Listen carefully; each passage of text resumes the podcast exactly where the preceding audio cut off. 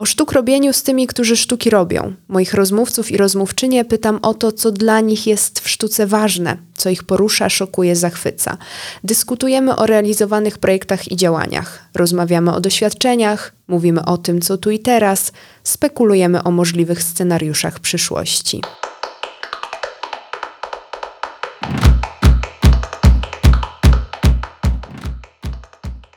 Dzień dobry, cześć. Witajcie w kolejnym odcinku i słuchajcie kolejnej rozmowy podcastu Sztuki Robi.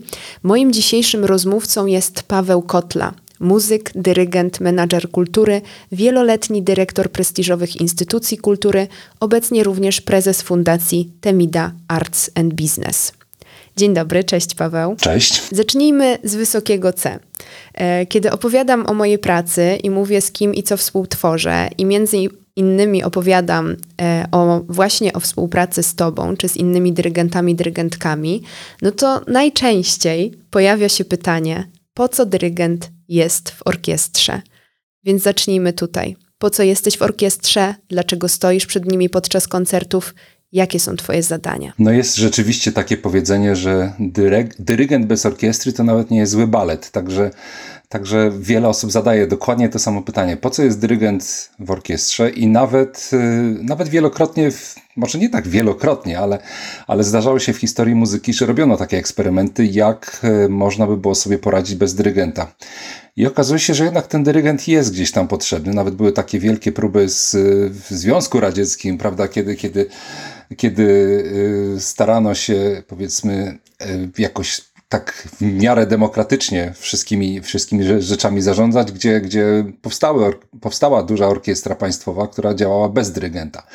No i co się okazało? Okazało się, że były dwa podstawowe problemy. Po pierwsze, okazało się, że były bardzo trudne zmiany tempa, że tu jednak bez dyrygenta ciężko jest to zrobić, a po drugie, okazało się, że bardzo długo trwały próby, że jednak jeżeli nie było tej jednej osoby z bardzo konkretną wizją, tylko do wszystkiego dochodzono w, w ramach dyskusji, debaty.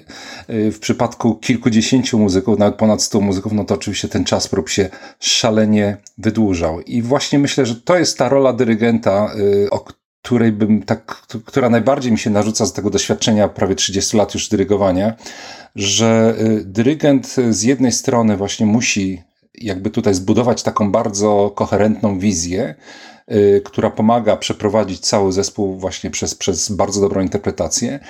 Natomiast podstawowa rzecz to jest taka trochę walka. Dyrygent musi walczyć z wieloma elementami. Musi walczyć z przestrzenią, bo to jest sprawa akustyki, musi znaleźć właściwą akustykę, musi walczyć z czasem, yy, dlatego że musi to wszystko zorganizować w bardzo yy, kompaktowym czasie, tak żeby jak najlepiej zorganizować pracę. A trzecie to jest chyba taka walka właściwie z ludzkimi słabościami, z ludzkim charakterem, dlatego że y, według mnie ci najlepsi dyrygenci to są ludzie, którzy potrafią wydobyć z muzyków, wydobyć z artystów to, czego oni czasami sami sobie nie zdają sprawy z tego, że, że w sobie mają. Czyli to jest taki trochę też zewnętrzne y, spojrzenie z zewnątrz i taki głos z zewnątrz, który widzi i słyszy więcej niż ten muzyk, który wykonuje dany utwór. Może to nie więcej, ale inaczej. To są jakby dwa takie y, kierunki spojrzenia. Jeden to jest właśnie od strony muzyka, to co on czuje, jego wrażliwość. I to jest też ważne, że dobrzy dyrygenci to są tacy dyrygenci, którzy potrafią tę, y, tę wrażliwość y, wykorzystać i jakby uaktywnić u muzyków. To takie słynne zdanie, jak kiedyś y, Jerzy Semkow, nasz wspaniały maestro, na jednej z prób Filharmonii Narodowej powiedział do jednego z muzyków, proszę pana, jeżeli pan będzie chciał tutaj zrobić zwolnienie, to jestem na to przygotowany. Czyli to jest takie jakby dawanie tej przestrzeni, w której, w której muzyk się powinien odnaleźć. I zresztą podobne zdanie, podobną opinię pamiętam pamiętam, usłyszałem kiedyś u Sir Colina Davisa. Pamiętam, że kiedy już był mocno schorowany, no jeden z najsłynniejszych w ogóle y, mistrzów batuty w historii muzyki. Miałem to szczęście, że pod koniec jego życia regularnie się z nim spotykałem, kiedy dyskutowaliśmy różne, y, nad różnymi partyturami w jego domu w Londynie w Highbury and Islington w północnym Londynie. Siadaliśmy przy, przy, przy powiedzmy, przy, ja przynosiłem zawsze jakąś taką fajną butelkę wina od, od moich znajomych ze sklepu z winami w Greenwich. E, siadaliśmy nad partyturami, rozmawialiśmy i pamiętam, on już mocno schorowany. E, wiedziałem, że to będzie prawdopodobnie jeden e, z ostatnich momentów, kiedy będzie można mu takie pytanie zadać, bo chyba nawet byłem ostatnim dyrygentem, który w ogóle go jeszcze za życia spotkał, bo już parę dni później niestety nie żył. I pamiętam, zadałem mu takie pytanie, jaki, co według niego było tą esencją dobrego dyrygowania. I on powiedział, że właśnie to dawanie przestrzeni muzykom na to, żeby oni się potrafili w tym zrealizować. Ta przestrzeń, w której jest możliwy dialog między tym, co dyrygent myśli o partyturze, o muzyce, a tym, a wrażliwością i, i interpretacją muzyka. A co w takim razie według Ciebie jest esencją dyrygentury? Myślę, że właśnie to, to inspirowanie, to, to y, patrzenie z zewnątrz, ten, te, to spojrzenie, które pozwala y, właśnie y, wyjść muzykowi trochę dalej, otworzyć się i, i mówię, i osiągać dokładnie to, z czego sobie czasami muzycy nie zdają sprawy. I myślę takie, ja, ja do dzisiaj jestem bardzo zaskoczony, jak się zdarza, że przychodzą muzycy po, po koncercie i dziękują mi za, za, za, za wspaniały koncert. No to to jest, ja mówię, no przecież to jest wasza praca, ale rzeczywiście coś takiego jest w dyrygowaniu, że, że jest ten koncert, jest te dwie, dwie i pół godziny koncertu, gdzie, gdzie chyba jest takie poczucie po koncercie, że przychodzą muzycy i stwierdzają, że nagle osiągnęli coś, czego zupełnie się nie spodziewali, że, że, że, że są w stanie osiągnąć. Właśnie dzięki dyrygentowi, dzięki tej współpracy. Paweł, ty zaczynałeś swoją drogę z muzyką od gry na skrzypcach. A to prawda? Tak. Skąd i dlaczego dyrygentura? Jak, jak do tego doszło? Ja bardzo wcześnie myślałem o dyrygenturze. To było tak, że pamiętam, jak kiedy miałem 5 lat, y, moi rodzice kupili komplet płyt. Y, między innymi tam były takie utwory oczywiście jak Bolero Ravela, jak y, Sen nocy letniej Mendelssohna, nagrania wspaniałego maestro Henryka Czyża, który potem okazał się, że wykłada w Akademii Muzycznej w Warszawie właśnie wtedy, kiedy tam studiowałem, także miałem okazję być na paru jego lekcjach i pamiętam, że właśnie tam mając 5 czy 6 lat mówiłem, że chcę zostać albo dyrygentem, albo filozofem. Te dwie rzeczy mnie interesowały. Także to doszło do tego jeszcze zanim zacząłem grać na skrzypcach i po czym nagle się okazało, że że, że w przedszkolu, w którym, którym, e, do którego chodziłem w Szczecinie, nagle przyszła grupa osób, która powiedziała, że zakłada nową szkołę muzyczną, specjalistyczną szkołę muzyczną w Szczecinie, dzisiaj zresztą bardzo znaną już, e, i robiła, robili przesłuchania, no i przesłuchali mnie. E, bardzo mnie to zaintrygowało. Powiedzieli, że tak, że nadaje się, żeby iść do szkoły muzycznej. Potem sytuacja była taka, że wróciłem do domu, powiedziałem o tym rodzicom, a oni mówili, naprawdę? Nie, no, zdawali sobie sprawę z tego, jakie to będzie dla nich obciążenie. No i yy, tak nie byli przekonani. Yy, mój tato jeszcze za, wziął mnie na, specjalnie na dodatkowe przesłuchania do pani Iwony Mróz, założycielki i późniejszej wieloletniej dyrektorki tej szkoły muzycznej, żeby sprawdzić, czy mam ten słuch, czy wszystko jest dobrze, czy rzeczywiście się nadaje. Ona powiedziała, no, no dobry, dobrze słyszę, naprawdę dobrze słyszę, także, także ten. Moi rodzice jeszcze nie do końca byli przekonani, ale miałem tu, jakby przyszedł z pomocą mój brat, który właśnie postanowił się wtedy urodzić i moja mama była w szpitalu i, i, i jakby mojego taty było łatwiej przekonać samodzielnie w tym momencie, że jednak ta szkoła muzyczna, żeby zaryzykować. Także, także ta, ta, jakby się to rozwinęło, ale rzeczywiście ta dyrygentura od samego początku gdzieś mi w głowie kołatała. Zwłaszcza, że miałem takie poczucie, że jednak no, bycie solistą to jest niesamowite poświęcenie y, czasu, to jest siedzenie godzinami często w czterech ścianach, ćwiczenie. Dyrygentura daje troszeczkę więcej przestrzeni na to, żeby jednak usiąść czasami coś doczytać, coś y, tak się rozwijać, jakby więcej tych elementów, y, znaczy w dyrygenturze jest mniej elementów technicznych jednak niż w grze na, instrument, na instrumencie. Oczywiście uczymy się partytur, studiujemy je, ale jest to taka trochę bardziej praca y, intelektualna niż taka powtarzalna fizyczna, której ciężka praca, którą, którą muszą wykonać rzeczywiście soliści, żeby chociażby ten warsztat zbudować y, techniczny.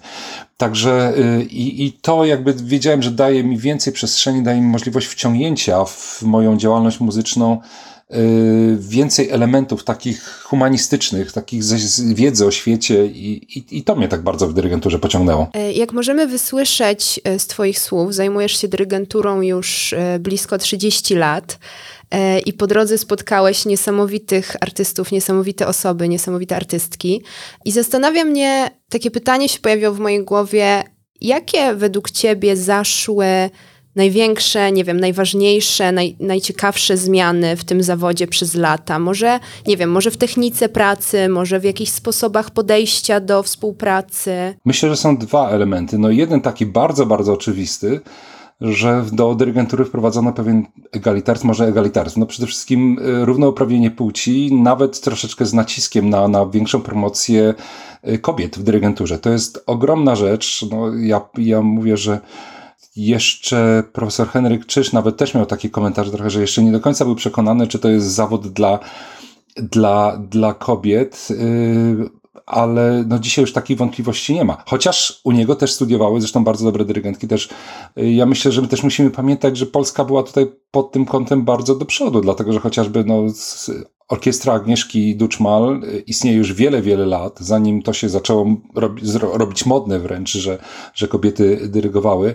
Y, natomiast no Ewa Michnik była przecież y, wieloletnią dyrektorką między innymi opery we Wrocławiu, także też jako dyrygentka tutaj osiągała sukcesy już od bardzo, bardzo dawna. No w tej chwili y, widać, że to jest wręcz taki nacisk, że są konkursy tylko dla kobiet, są stypendia tylko dla kobiet.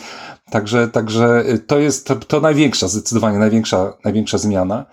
A druga zmiana, która trwała już trochę dłużej, bo ja myślę, że to jest co najmniej kwestia 50 lat, to tych relacji między orkiestrą a dyrygentem, kiedy to jest bardziej relacja partnerska, kiedy już nie ma tej takiej dyktatury w muzyce, tylko bardziej jest partnerstwo i rzeczywiście to, to, to, to się ogromnie zmieniło. W niektórych krajach może wolniej, w niektórych szybciej, że jednak dyrygent jest pewnym partnerem orkiestry, a nie despotą.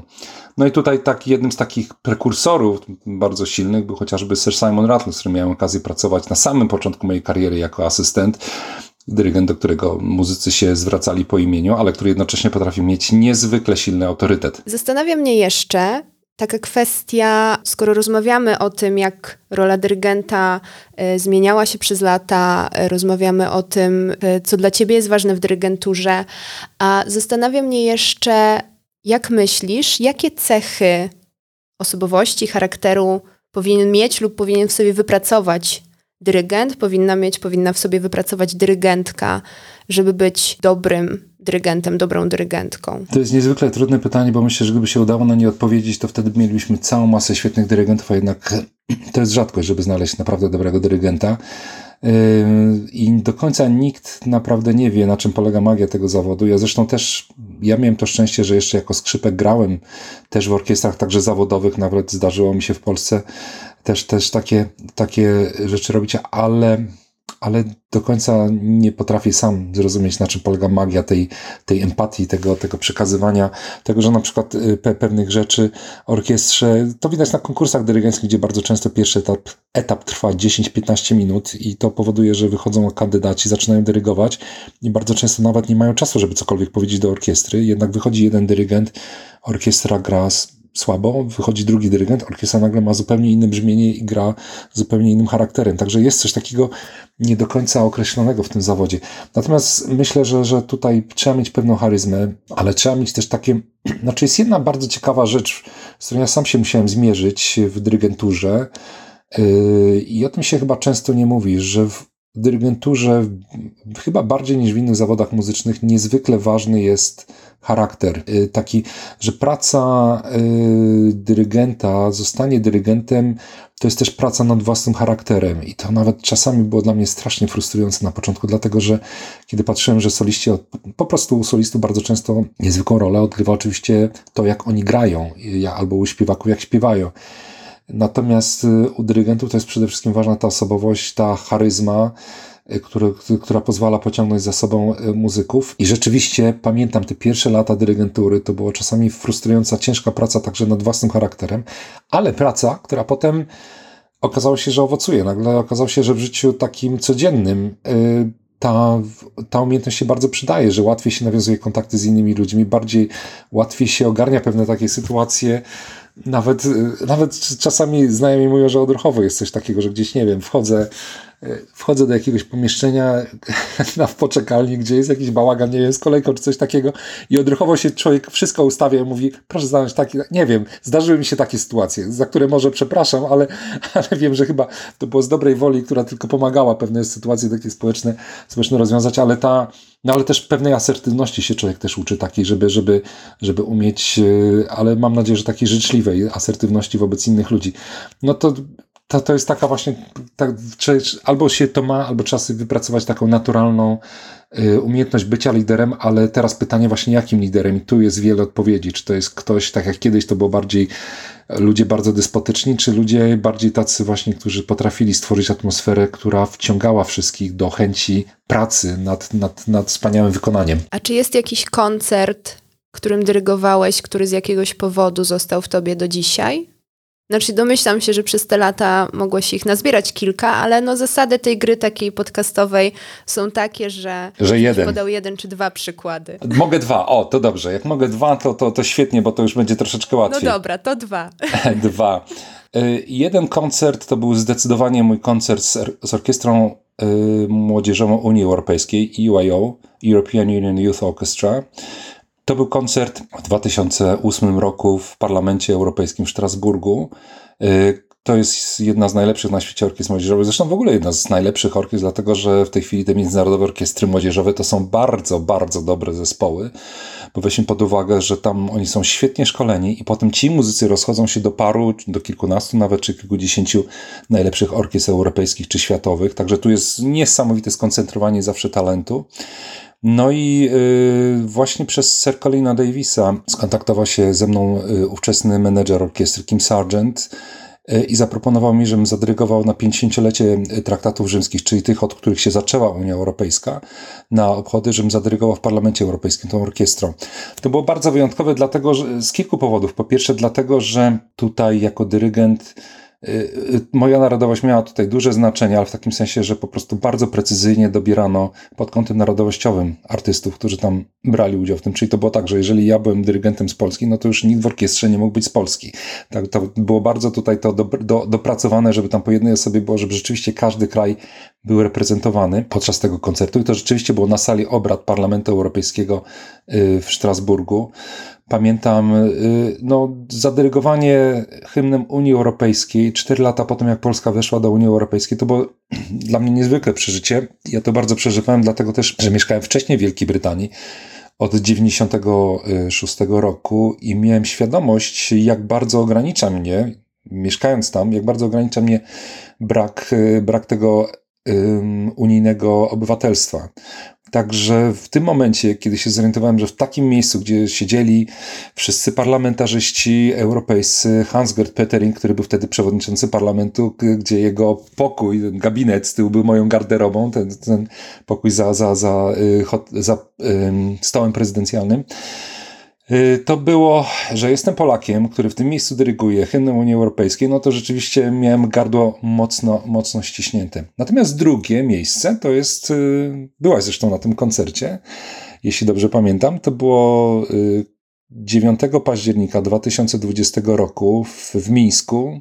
Koncert kameralny z, z orkiestrą kameralną państwową Republiki Białorusi kiedy tego samego dnia o godzinie 12 no, dyktator tamtejszy, czyli Łukaszenka, wyrzucał z, y, z Białorusi naszych dyplomatów, natomiast myśmy wieczorem grali z tą orkiestrą polską muzykę. Oprócz polskiej muzyki graliśmy na koniec koncertu ósmy kwartet smyczkowy, ósmy kwartet smyczkowy Szostakowicza, y, który w wersji kameralnej nazywany jest symfonią kameralną.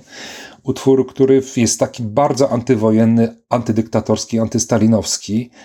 Y, utwór, który no, naprawdę był taką kwintesencją tych wszystkich emocji, tej energii, którą wtedy i my czuliśmy i czuła też cała opozycja białoruska. Zresztą, mimo że to już była pandemia, nie wiem czy pamiętasz, że, że sala była zupełnie pełna, y, bardzo dużo tam było osób z biało-czerwonymi opaskami, a więc przedstawicieli opozycji. I pamiętam, skończyłem dyrygować, y, zadyrygowałem ostatnie takty tego utworu, to czułem, jak mi trzęsą się nogi po prostu z tej siły emocji. Potem jeszcze zagraliśmy na tę najbardziej dramatyczną część tego utworu, no i pamiętam, że reakcja publiczności była bardzo żywiołowa i to mi pokazało, jak ogromną, ogromną rolę odgrywa muzyka. Tak, pamiętam. Rzeczywiście, pamiętam, byliśmy razem wtedy w Mińsku. Rzeczywiście czuć było Myślę też przez to właśnie, że polscy dyplomaci byli akurat w tym momencie, w tym tygodniu, w którym myśmy przyjechali, oni, e, oni byli wydalani z Białorusi. W większości zostawało paru e, polskich dyploma, dyplomatów i dyplomatek. E, rzeczywiście czuć było jakąś taką emocję tego, tego końca, tej niepewności, co się zdarzy dalej. I rzeczywiście pamiętam też z, z publiczności te, te emocje na sali. No właśnie. Więc tak, ten koncert, który dla ciebie był ważny, ja też pamiętam bardzo dobrze. Zawsze też wtedy zastanawiam się po takich koncertach, no bo myśmy go zrobili z, bo tam dostaliśmy dotację z któregoś, z któregoś urzędu, z którejś instytucji i zawsze się wtedy zastanawiam, jak napisać we wniosku albo w sprawozdaniu właśnie o tym, jak przekazać tym ludziom, wiesz, bo piszemy te formułki, piszemy te, te zdania, które nic nie wnoszą czasami, ale są obowiązkowe. A jak im napisać o tym, że, że to było ważne właśnie z tego, z tego jednego momentu, że ten jeden, ta jedna emocja na tym jednym koncercie, że to było najważniejsze i że, że, że dla tego momentu było warto nigdy nie wiem, co zrobić e, wtedy, jak to napisać. Tak, i szczególnie w tamtym rejonie to ma znaczenie. Zresztą te projekty, zresztą razem też wiele tych projektów zrobiliśmy e, w ciągu ostatnich 12 lat, właśnie w tamtych krajach. Przecież my nie tylko robiliśmy projekty w Białorusi, ale też jeszcze w Ukrainie, e, robiliśmy projekty w Gruzji, robiliśmy projekty w Mołdawii. Ja jeszcze miałem okazję w zeszłym roku wystąpić, zadebiutować w Azerbejdżanie, w Baku z Orkiestrą Państwową i jak przekazać to, jak bardzo, bardzo ważne jest to, co tam robimy. To jest, niestety to jest problem, z którym w muzyce, może o tym jeszcze będzie okazja porozmawiać, z którym się ciągle borykamy. My robimy coś tak nieuchwytnego, my czujemy, czujemy, że to jest y, coś szalenie ważnego, że to zmienia. Zresztą jak Bernstein kiedyś wspaniale powiedział to jest zdanie, które, które jest takim moim też motto, że, ym, że muzyka nie zmienia świata, Y, że żadna symfonia nie zmieniła świata, ale muzyka zmienia ludzi, którzy zmieniają świat. I to jest ważne. I po prostu y, mamy ciągle problem, kiedy próbujemy uzasadnić, dlaczego to robimy ludziom spoza naszej branży, mamy ciągle problem z tym, żeby im pokazać w sposób jakiś namacalny, dlaczego jest to bardzo ważne. Y, pytanie, czy przez te 12 lat zrobiliśmy coś, co w jakikolwiek sposób wpłynęło na tamtych ludzi, co spowodowało, że nie wiem, że dzisiaj Ukraina tak szalenie zaciekle walczy o swoją niepodległość, że Mołdawia też chce, chciała tak jakby iść w kierunku Unii Europejskiej, że w Białorusi y, były, prawda, protesty przeciwko Łukaszence, czy w Gruzji też te wszystkie takie ruchy pro, proeuropejskie. Wydaje mi się, że to, co robiliśmy przez te 12 lat, nie było bez znaczenia. No ja zacząłem od takiego bardzo dużego projektu iCulture Orchestra, którego y, w zeszłym roku już dziesiątą rocznicę obchodziliśmy. No niestety szalenie żałuję, że tego już nie ma, bo, bo to był bardzo ważny projekt, gdzie potem takie projekty jak teraz, właśnie turne ukraińskiej orkiestry po Europie, po świecie, jakby miały źródło w tamtych projektach, właśnie w tych rzeczach, które robiliśmy. Dlatego, że dzisiaj, kiedy widzę Y, ten skład tej orkiestry ukraińskiej, która jeździ po świecie i przekonuje ludzi, że wspieranie Ukrainy w tym trudnym czasie jest bardzo ważne, to większość tych najlepszych muzyków, którzy gra w tej orkiestrze, to są muzycy, którzy wyszli z Ajkarczy Orkiestra, który, który, którą zaczęliśmy budować 12 lat temu. Tak, Paweł powiedział 12 lat, my oczywiście tyle lat, nawet się nie znamy e, z Pawłem, ale opowiadał o współpracy z muzykami, z którymi ja też współpracuję, e, z zespołem Krakow Duo, z którymi właściwie właśnie od 12 lat się chyba znacie i, i już działacie wspólnie. No ja też mam nadzieję, że, że rzeczywiście to, co robimy razem i, i to, co robimy w tej kulturze jest może czasem najmniejszą, malutką cegiełką, ale że jednak dokładamy ją do budowania, do budowania lepszego świata, piękniejszego świata, e, świata bardziej czułego i bardziej otwartego na różnorodność i na inność. Ja myślę, jeśli mogę coś wtrącić a propos tych wszystkich projektów, no bo też byłaś częścią tego, też widziałaś, jak to robiliśmy. I chyba najbardziej niezwykłe było to, jak dotarliśmy do y, Naddniestrza. To jest przecież jeden z dwóch na świecie nieuznawanych przez nikogo krajów, o, o którym mało kto ciągle w Europie wie. Kraj, który oficjalnie jest częścią Mołdawii. ale to jest kraj, w którym, którym już kilkakrotnie robiliśmy projekty, nawet planowaliśmy zrobić projekt w tym roku, już mieliśmy przygotowany wniosek, już było bardzo blisko otrzymania dofinansowania, ale niestety, no wiadomo, zaczęła się wojna, gdzie Naddniestrze jest jednym z tych, z tych miejsc, które są zarzewiem jakby kolejnego frontu, także niestety tam nie, była, nie było szansy, żeby w tym roku pojechać, no ale jeszcze w listopadzie zeszłego roku tam byliśmy. Tam udało się kiedyś właśnie z Kraków Duo zorganizować y, koncert y, w polskim kościele w Rybnicy. Ja myślę, że tu warto opowiedzieć w ogóle o kontekście tego, bo to było niezwykłe i to pokazuje, jakie możliwości niezwykłe ma muzyka. Mianowicie y, my zorganizowaliśmy w Rybnicy, w drugim największym mieście Naddniestrza, koncert kameralny w polskim, w polskim kościele. I teraz trzeba sobie wyobrazić, że tam Polacy, Polonia jest bardzo silna, ale wiadomo, że jest w kraju zarządzany, który tak naprawdę no, jest y, dy, separatystyczną dyktaturą. Tam pod, okupowaną przez, przez armię rosyjską. I myśmy tam przyjechali wtedy z panem, pierwszy raz na koncert z panem Arturem y, Michalskim, naszym ambasadorem wtedy w Kiszyniowie. Przyjechaliśmy do tego ko y, kościoła w Rybnicy, przywitam nas ksiądz, tam zorganizowaliśmy koncert kameralny, ale jadąc do tej Rybnicy zastanawialiśmy się, czy nas w ogóle zatrzyma armia, nie wiem, czy rosyjska, czy naddniestrzańska, czy będziemy mogli ten koncert zrobić. Jadąc na ten koncert, nagle zobaczyliśmy, że wyprzedza nas samochód terenowy. Okazało się, że to był samochód jednego z, y, z polityków naddniestrzańskich, jego ich nieoficjalnego ministra spraw zagranicznych.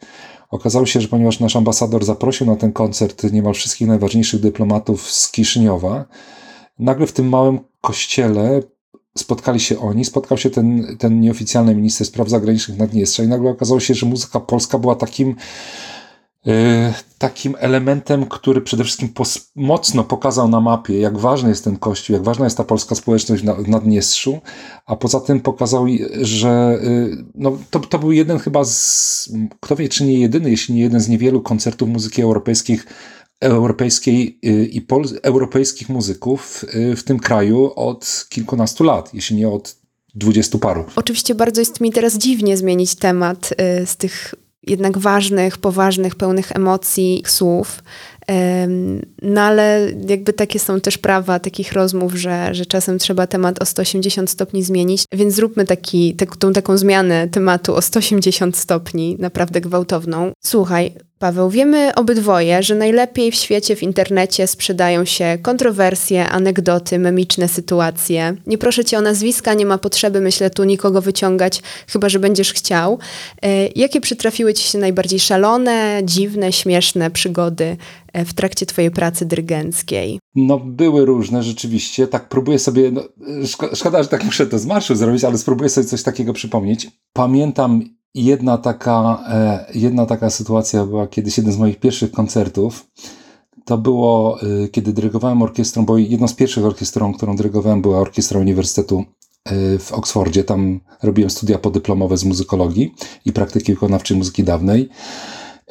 I tam wygrałem konkurs na, na bycie dyrygentem orkiestry Uniwersytetu i prowadziłem koncert, na którym dyrygowałem w suitą Aleksander Newski, y, suitą Prokofiewa, która zresztą została napisana do słynnego y, filmu Eisensteina Aleksander Newski.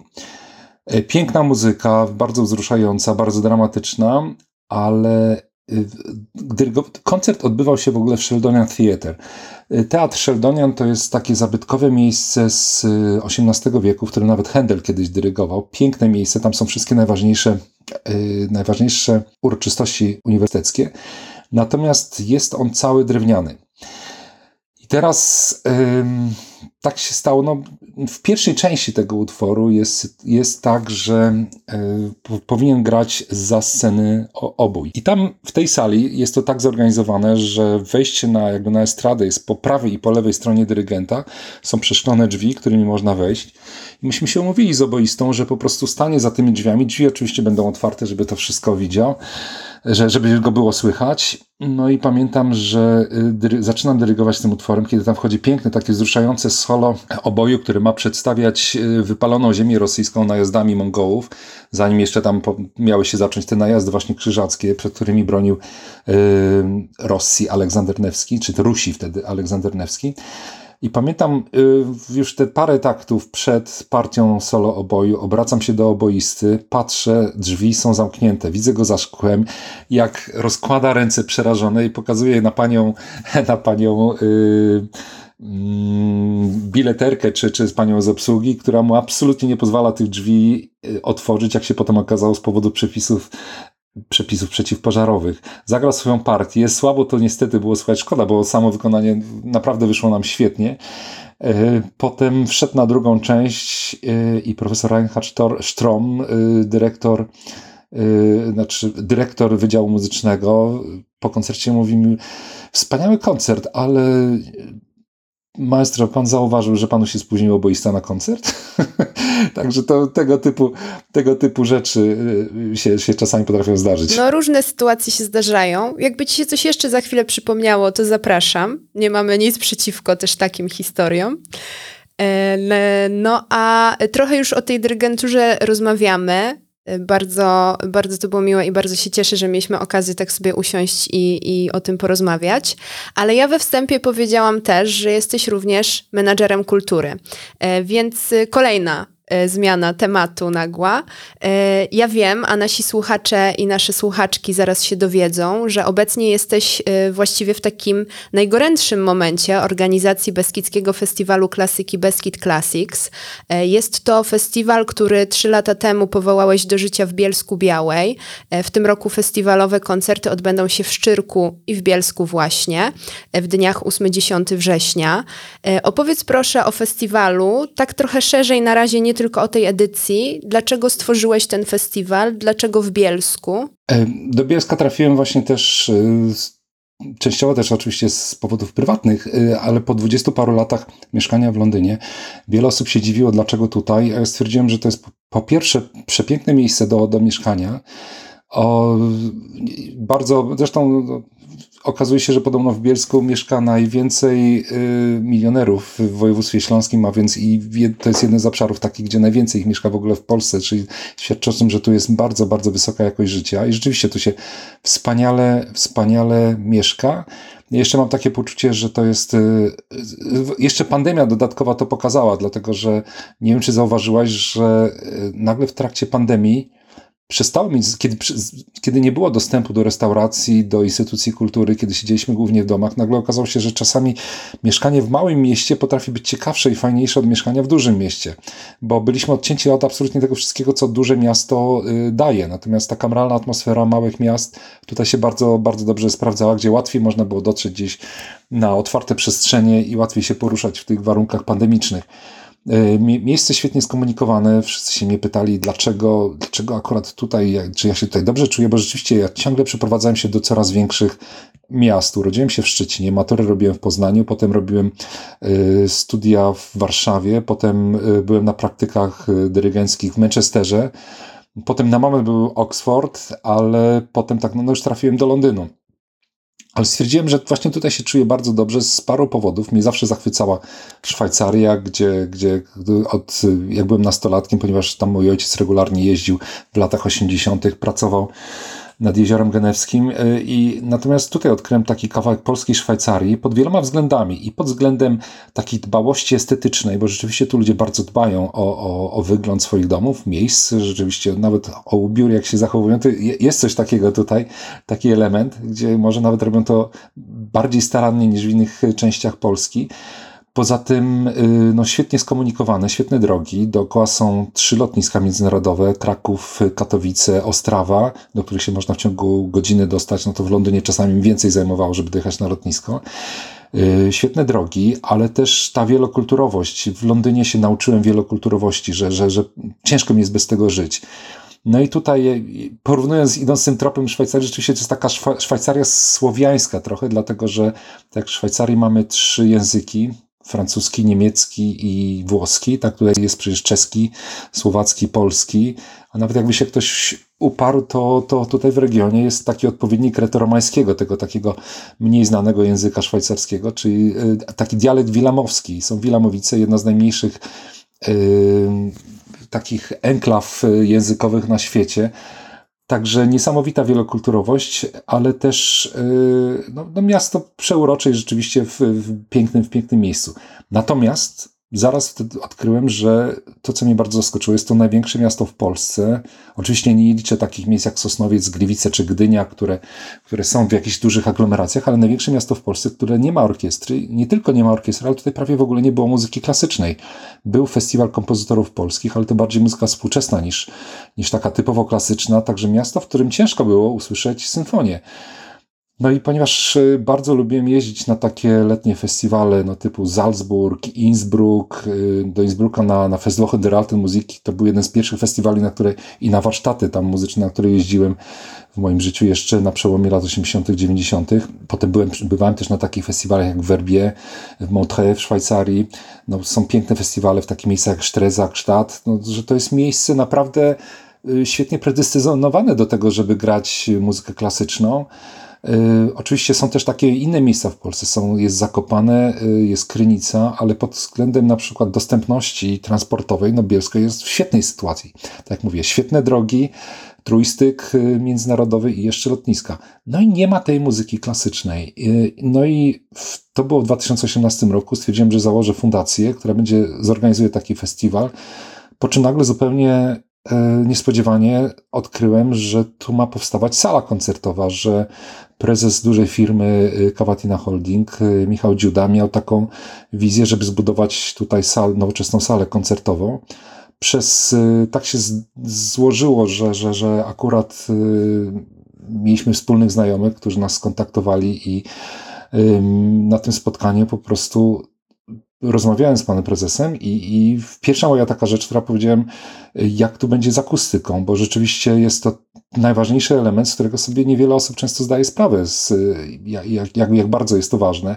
Już nie będę tutaj konkretnie podawał przykładów, ale były niestety takie nieudane inwestycje w budynki filharmoniczne w Polsce, z którymi niestety potem miasta muszą żyć dziesiątki, jeśli nie setki lat. I powiedziałem bardzo wyraźnie, że, że no, akustyka jest tak szalenie ważna, że jeżeli ten budynek powstanie, to potem już przez wiele lat nikt dobrej sali koncertowej tutaj nie zbuduje, bo przecież sala koncertowa w końcu jest.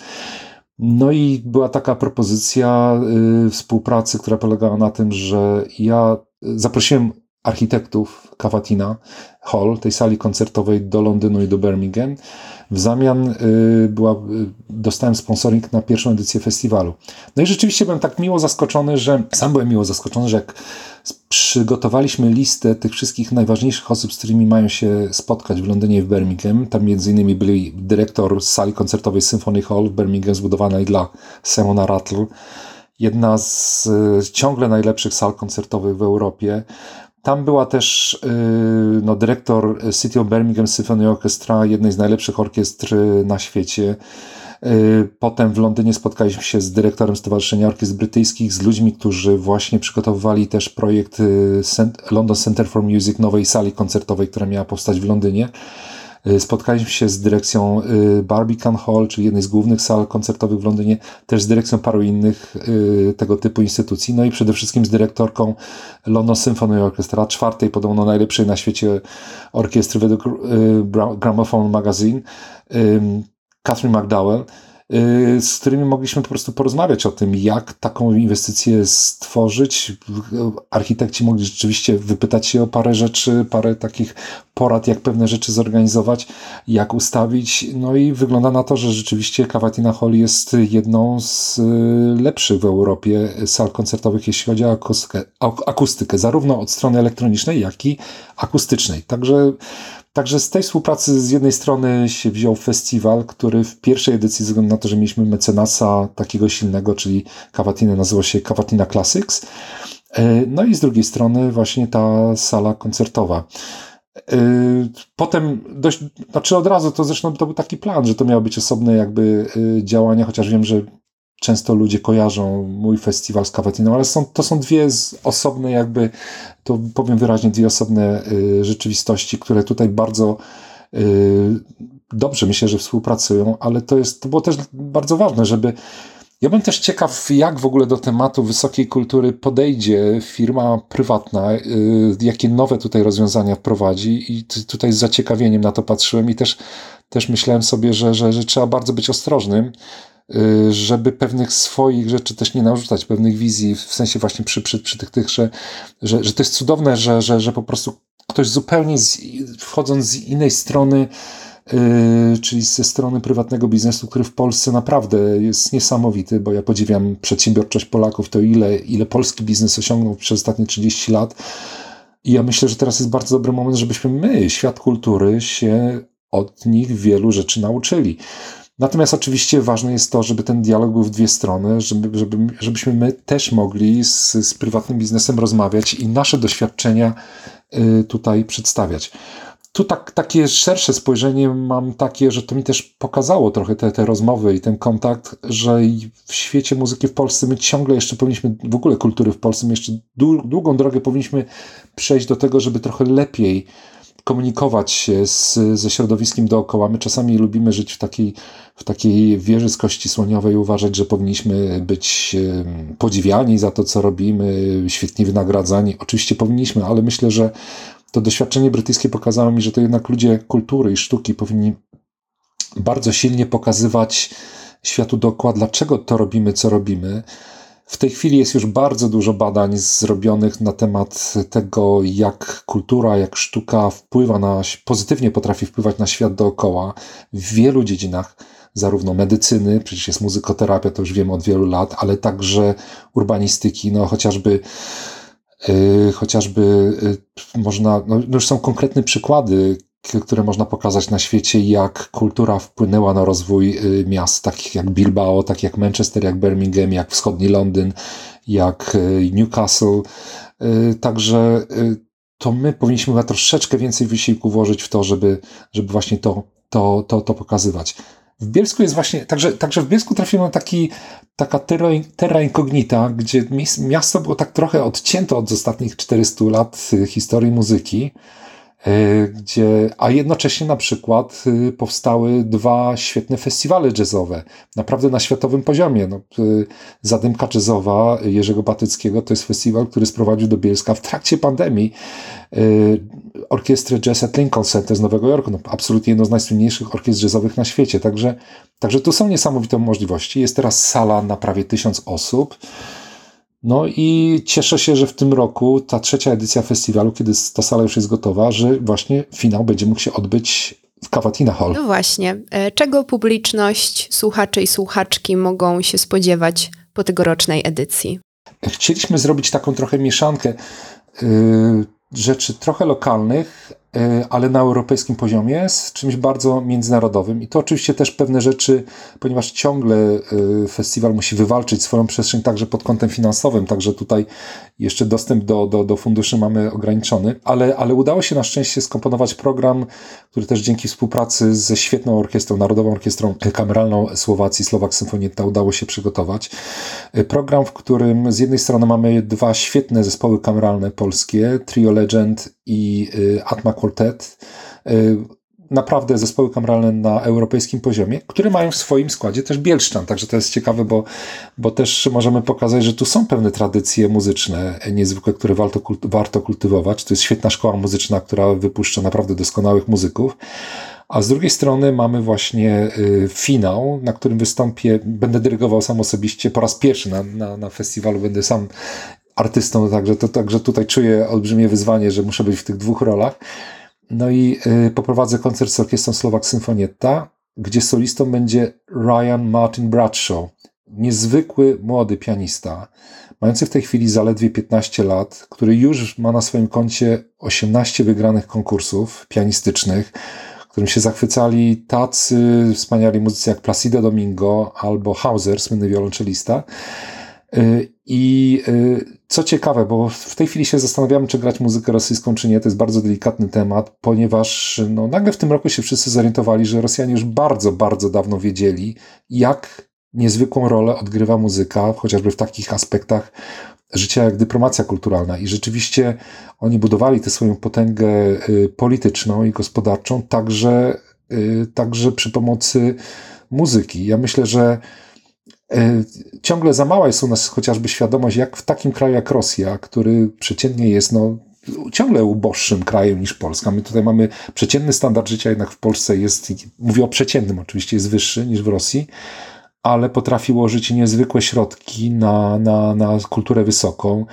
Tu można zobaczyć, jakie potrafią być wynagrodzenia y, muzyków w najlepszych orkiestrach rosyjskich, jakie są wynagrodzenia solistów, dyrygentów.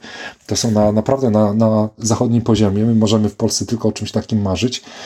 No i teraz pytanie jest, nagle się wszyscy zorientowali, że ta muzyka rosyjska, rosyjscy artyści troszeczkę y, budowali ten, y, jakby chronili trochę ten przekaz na temat, na temat współczesnej Rosji, pokazując to jako kraj bardzo cywilizowany, bardzo kulturalny. No niestety rzeczywistość wojny w Ukrainie pokazała, że jest to zupełnie inny obraz, że, że, że to jest kraj, który niestety potrafi, potrafi posługiwać się brutalnością jako narzędziem w sposób, w sposób bardzo bezwzględny. No i teraz y, Ryan Martin Bradshaw, który y, trzy lata temu wygrał konkurs w Moskwie, grając koncert y, fortepianowy Chopina na konkursie takim młodzieżowym, ale telewizyjnym Dziadek do Orzechów w sali Czajkowskiego. Rok później przyjechał do Moskwy zagrać koncert fortepianowy właśnie Czajkowskiego i okazało się nagle, że ten utwór, który tak jest cenny dla Rosjan, jest tak ważny dla Rosjan, y, on zagrał w taki sposób, że rzeczywiście jak się ogląda nagranie z koncertu, można znaleźć w YouTube, po prostu Rosjanie byli totalnie powaleni jego interpretacją. On po prostu naprawdę pokazał, że przyjechał młody europejski y, muzyk, bo to jest y, pianista australijsko-słowacki, potrafił to zrobić lepiej od Rosjan. I ja myślę, że w tych, że ja już od paru miesięcy szukałem takiej formuły, która pozwoli właśnie odciągnąć nam muzykę rosyjską troszeczkę od tej rosyjskiej ideologii, jednak pokazać, że to jest dobra muzyka, która nie, nie, nie, nie musi koniecznie wspierać y, tutaj ten, ten imperialną narrację Rosji. No ja myślę, że to wykonanie tego koncertu Czajkowskiego w Bielsku Białej teraz z Martinem Ryanem Bradshaw będzie dokładnie tym, czego, czego chyba potrzebujemy pokazać, że ta muzyka y, może służyć takim celom bardziej humanistycznym, bardziej, bardziej uniwersalnym. Słuchajcie, czyli bardzo serdecznie Was zapraszamy. Przyjedźcie, przyjdźcie do Bielska na koncerty, być jak najbliżej muzyki się da. Ja myślę, że też zapomniałem jeszcze wspomnieć, że będą bardzo niezwykłe miejsca, w których będziemy grali te koncerty. Zresztą hasło festiwalu jest najbliżej muzyki, bo bardzo, bardzo wyjątkową rzeczą i tutaj zapraszam wszystkich z całej Polski na, na ten koncert, bo sami się przekonacie, że chyba nie ma drugiej takiej sali koncertowej na świecie, gdzie tysiąc osób może tak blisko siedzieć wykonawców. To jest bardzo, bardzo unikalna rzecz, jeśli chodzi o właśnie salę Cavatina Hall, ale podobna atmosfera będzie właśnie w Willi Zixta. To jest niedawno odrestaurowana piękna willa w Bielsku Białej, którą zbudował bardzo tajemniczy człowiek Teodor Zix, który w XIX wieku przyjechał do Bielska, tak nie do końca było wiadomo skąd, nie wiadomo było skąd ma pieniądze takie olbrzymie, żeby żeby ten budynek zbudować. Tam podobno były spotkania różnych tajemniczych w tej, w tej, w tej willi yy, stowarzyszeń. Yy, zresztą do dzisiaj się nie zachował żaden portret y, Zixta, ani, ani y, malowany, ani, ani fotograficzny. No i też piękna Bator Art Gallery w Szczyrku, która słynie z magicznego realizmu. Co dwa lata tam mają taką wystawę, takie biennale, znane zresztą na cały świat. Także bardzo magiczne wnętrza, gdzie będzie można być bardzo, bardzo blisko tej muzyki. I myślę, że to będzie niezwykle unika unikalna rzecz, jeśli chodzi o właśnie ten festiwal. Dobrze, a oprócz festiwalu, który już niedługo, to co u ciebie twórczo, co ciebie czeka twórczo w przyszłości bliższej, dalszej? E, nie wiem jeszcze, co, świat, co, co życie przyniesie, dlatego że parę takich bardzo poważnych rzeczy, które robiłem w życiu, okazało się, że były bardzo niespodziewane. Nawet coś takiego właśnie jak iCulture Orchestra albo ten koncert w Strasburgu. E, no, w tej chwili przede wszystkim e, przede wszystkim chciałbym właśnie rozwijać fundację, też dlatego, że wydaje mi się, że w, jeśli chodzi o działania kulturalne w Polsce, mamy jeszcze dużo do zrobienia do tego, żeby to rzeczywiście było na zachodnim poziomie, ale strony instytucjonalnej, bardziej organizacyjnej niż y, poziomu muzyków, bo ja muszę podkreślić, naprawdę iCulture Orchestra już 12 lat temu mi pokazało, a teraz mamy pewien progres przecież jeszcze od tego czasu, pokazało mi, że mamy muzyków na naprawdę światowym poziomie. Wypuszczamy muzyków w, pie w pierwszej lidze i jest dla mnie frustrujące na przykład, strasznie takie przykre, kiedy patrzy się, ile nakładów idzie na, na z pieniędzy publicznych na, na muzykę też popularną, na, na sport, kiedy no, nie zawsze tam osiągamy najwyższe laury. No, chociażby naj, najwyżej, kiedy zaszliśmy w yy, konkursie Eurowizji, to jest, to jest przecież drugie miejsce, kiedy się Dyty Górniach. Natomiast jeśli chodzi o muzykę yy, klasyczną, to jesteśmy tutaj na absolutnie światowym topie. W pierwszej lidze i uważam to, jak często są traktowani przez system, chociażby finansowo, jest, jest, no, jest takie rozczarowujące. I tutaj chciałbym przez fundację szukać trochę możliwości współpracy z biznesem też. Jak, co zrobić, żeby tworzyć takie rzeczy, właśnie tak jak to w Wielkiej Brytanii jest, kiedy, kiedy się tworzy kulturalnie takie rzeczy, które są bardzo atrakcyjne dla biznesu.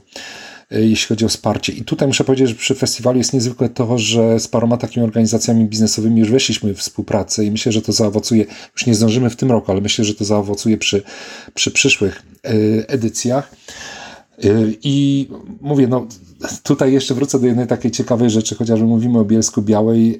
Ja byłem zaskoczony, kiedy się dowiedziałem, że w jednej, że niedaleko Bielska Białej jest wioska Żabnica, która, y, którą znałem tylko stąd, że jednak mam tutaj pewne jakieś korzenie, dlatego że y, mój dziadek od strony mojego ojca, który zresztą był w pułku strzelców podhalańskich tutaj w Cieszynie, właśnie urodził się w Żabnicy. To było pierwszy raz, kiedy zobaczyłem Żabnicę. Drugą, drugi raz w życiu, kiedy zobaczyłem Żabnicę, to było na stronie Metropolitan Opera, kiedy okazało się, że kiedyś zaczęła się pandemia, wielką galę operową, która miała być w Metropolitan Opera, y, śpiewacy musieli robić ze swoich domów i okazało się, że jednym z tych domów to był dom Piotra Beczały właśnie z Żabnicy. Także, także to pokazuje, że z, no, potem już tutaj mieszkając w Bielsku odkryłem, że mieszkam kilkaset metrów od miejsca, w którym się urodził Artur Schnabel, jednej, jeden z najsłynniejszych y, pianistów i w ogóle nauczycieli fortepianu XX wieku, y, najsłynniejszych na świecie.